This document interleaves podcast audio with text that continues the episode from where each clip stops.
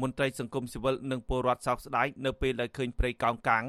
ដែលជាប្រភពចំណូលនេសាទយ៉ាងសំខាន់របស់ពលរដ្ឋរាប់ពាន់គ្រួសារនិងជាជំរកបាក់សីសមុទ្រនៅក្នុងខេត្តកោះកុងកំពុងទទួលរងការឈូសឆាយកំទេចចោលអស់ជាច្រើនហិកតាសាជាថ្មីទៀតពីសំណាក់បុគ្គលមានលុយមានអំណាចពួកគេសង្កេតឃើញថាទាល់តែបែកធ្លាយព័ត៌មានតាមបណ្ដាញសង្គមទើបអាជ្ញាធររុះរាន់ចុះពិនិត្យសកម្មភាពឈូសឆាយដីព្រៃកោងកាងមន្ត្រីសម្របសម្រួលសមាគមអាត60ខេត្តកោះកុង លោកថងច័ន្ទរាទៀមទាឲ្យអាជ្ញាធរខេត្តនេះត្រូវតែវែកមុខជន់ល្មើសនិងអ្នកពាក់ព័ន្ធមកផ្ដន់ទាទោសតាមច្បាប់លើពីនេះអាជ្ញាធរដែលខົບខិតនិងបណ្ដាលបណ្ដោយឲ្យកើតមានករណីនេះក៏ត្រូវទទួលខុសត្រូវចំពោះមុខច្បាប់ដែរលោកបញ្ជាក់ថាទំហំព្រៃកោងកាងប្រមាណ30ហិកតាត្រូវបានអ្នកមានអំណាចដែលគេមិនស្គាល់អត្តសញ្ញាណរស់នៅរាជធានីភ្នំពេញយកគ្រឿងចាក់ឈូសឆាយធ្វើរបងហុំព័ទ្ធនិងបិទផ្លូវសាធារណៈទៀតផង បើកដៃចឹងបានថាដូចជាបើកដៃឲ្យអាបាត់ល្មើសហ្នឹងចេះប្រព្រឹត្តទៅបើសិនជាមិនមានគេដឹងគេលឺហ្នឹងទៅរឿងហ្នឹងក៏វារួចរាល់ចឹងទៅបើសិនគេដឹងទៅក៏ធ្វើ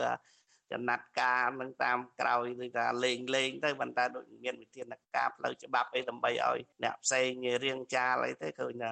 របៀបតែសម្របសម្រួលរបៀបតែធ្វើអាកិច្ចសន្យាអីតែប៉ុណ្្នឹង មន្ត្រីសង្គមស៊ីវិលរូបនេះបានបន្ថែមថាអាញាធមមូលដ្ឋាន បានប្រទះឃើញបាត់ល្មើសអ ுக ្រិតនេះនៅចំពោះមុខប៉ុន្តែមិនអើពើចាត់វិធានការច្បាប់តាំងពីដំបូងឡើយរហូតទាល់តែបែកធ្លាយព័ត៌មានទើបចោះដោះស្រាយលោកថាប្រការនេះឆ្លុះបញ្ចាំងថាអាញាធមមានចេតនាបើកដៃនិងត្រូវរើជាមួយជនល្មើសដែលជាហេតុធ្វើឲ្យព្រៃកោងកាងត្រូវបានគេបំផ្លាញចោលទ្រង់ទ្រាយធំ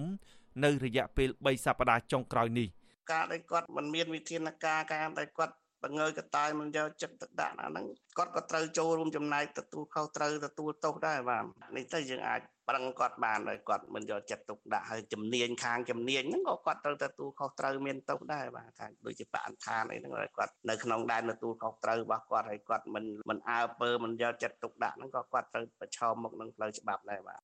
ឆ្លើយតបការលើកឡើងនេះអភិបាលខេត្តកោះកុងអ្នកស្រីមិថុនាប៊ូថង ប្រាប់អាស៊ីសេរីថាអ្នកស្រីបានចាត់ឲ្យអាជ្ញាធរជំនាញចុះទៅពិនិត្យនិងដោះស្រាយបញ្ហានេះហើយតែមិនទាន់ទទួលបានលទ្ធផលនៅឡើយទេអ្នកស្រីថាអាជ្ញាធរខេត្តកំពុងរងចាំរបាយការណ៍ស៊ើបអង្កេតរបស់អាជ្ញាធរជំនាញជាមុនសិនមុននឹងសម្រេចបែបណានោះអ្នកស្រីបញ្ជាក់ថាអាជ្ញាធរនឹងដោះស្រាយបញ្ហានេះផ្អែកទៅតាមច្បាប់ជាធរមាន។ ចាជំនួសការងារនេះខ្ញុំបានឲ្យលោកអបារងខេត្តទទួលបន្ទុកលោកចុះទៅធ្វើការហើយក៏គាត់បានចុះទៅដូចជាម្សិលមិញព្រោះលោកនឹងធ្វើរបាយការណ៍មកតែអាចការយើងទៅពិនិត្យទៅលើស្ថានភាពជាមួយរបាយការណ៍របស់គាត់មកសិនក្រុមការងារគាត់នឹងមើលទៅស្ថានភាពនេះទោះជាយ៉ាងណាប្រជានេសាទខេត្តកោះកុងសោកស្ដាយដែលអាជ្ញាធរមិនបានថែរក្សាព្រៃកោងកាងឲ្យបានគង់វង្សល្អខណៈព្រៃនេះជាជំរកត្រីពងកូនបាក់សីសមុទ្រនិងជីវសាស្ត្រចម្រុះសមុទ្រ ពួកគេថាបញ្ហានេះបង្កផលប៉ះពាល់ដល់ជីវភាពពលរដ្ឋនិងសោភ័ណភាពបរិស្ថានសមុទ្រពជាសហគមន៍នេសាទឃុំស្រាអបិលលោកសេងងុយបារម្ភថាការបំផ្លាញព្រៃកោងកាំងទ្រង់ទ្រាយធំនេះប្រៀបបានទៅនឹងសម្លាប់ប្រភពចំណូលរបស់ប្រជាពលរដ្ឋរាប់ពាន់គ្រួសារយ៉ាងដូចនេះដែរលោកថាគ្រួសាររបស់លោកអាចរកប្រាក់ចំណូលមួយថ្ងៃចាប់ពី40000រៀលដល់100,000រៀលពីការនេសាទជាលក្ខណៈគ្រួសារដូចជារកត្រីសាច់និងក្តាមសមុទ្រជាដើមនៅតំបន់ព្រៃកោងកាំងនេះឯង។ បើនិយាយទៅព្រៃហ្នឹងគឺវាប៉ះពាល់គ្រប់ជីវៈចម្រុះធម្មជាតិព្រោះវាជាតំបន់ការពារទាំងត្រីទាំងសាច់ទាំងជាជនរស់នៅនឹងទាំងចម្រុះខ្សាត់ហ្វងកូនក្តាមខ្យងនិយាយរួមប៉ះពាល់ទាំងអស់ព្រោះព្រៃកងកាងវាជាព្រៃគេអភិរក្ស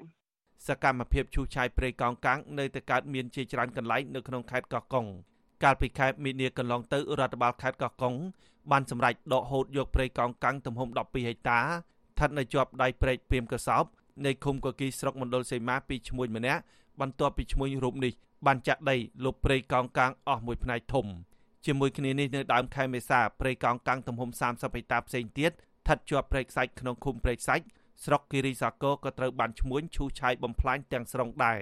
មន្ត្រីសង្គមស៊ីវិលសង្កេតឃើញថាអាញាធមមិនដែលចាត់វិធានការតាមច្បាប់តឹងរឹងទៅលើបុគ្គលមានលុយនិងមានអំណាចដែលរំលោភយកដីព្រៃកោងកាងនោះទេ ពលគឺអាជ្ញាធរគ្រាន់តែតម្រូវឲ្យជនល្មើសកាយដីចេញហើយធ្វើកិច្ចសន្យាទទួលស្គាល់កំហុសនិងតម្រូវឲ្យដើមកូនកងកាងឡើងវិញតិចតួចប៉ុណ្ណោះពួកគេអំពាវនាវឲ្យរដ្ឋាភិបាលត្រូវតែពិនិត្យឡើងវិញពីប្រសិទ្ធភាពការងាររបស់អាជ្ញាធរខេត្តកោះកុងព្រោះអាជ្ញាធរមូលដ្ឋានខេត្តនេះតែងតែធ្វើប្រហែសនិងខ្វះការយកចិត្តទុកដាក់ការពារសម្បត្តិជាតិខ្ញុំបាទហេងរស្មី អាស៊ីសេរីពីរដ្ឋធានី Washington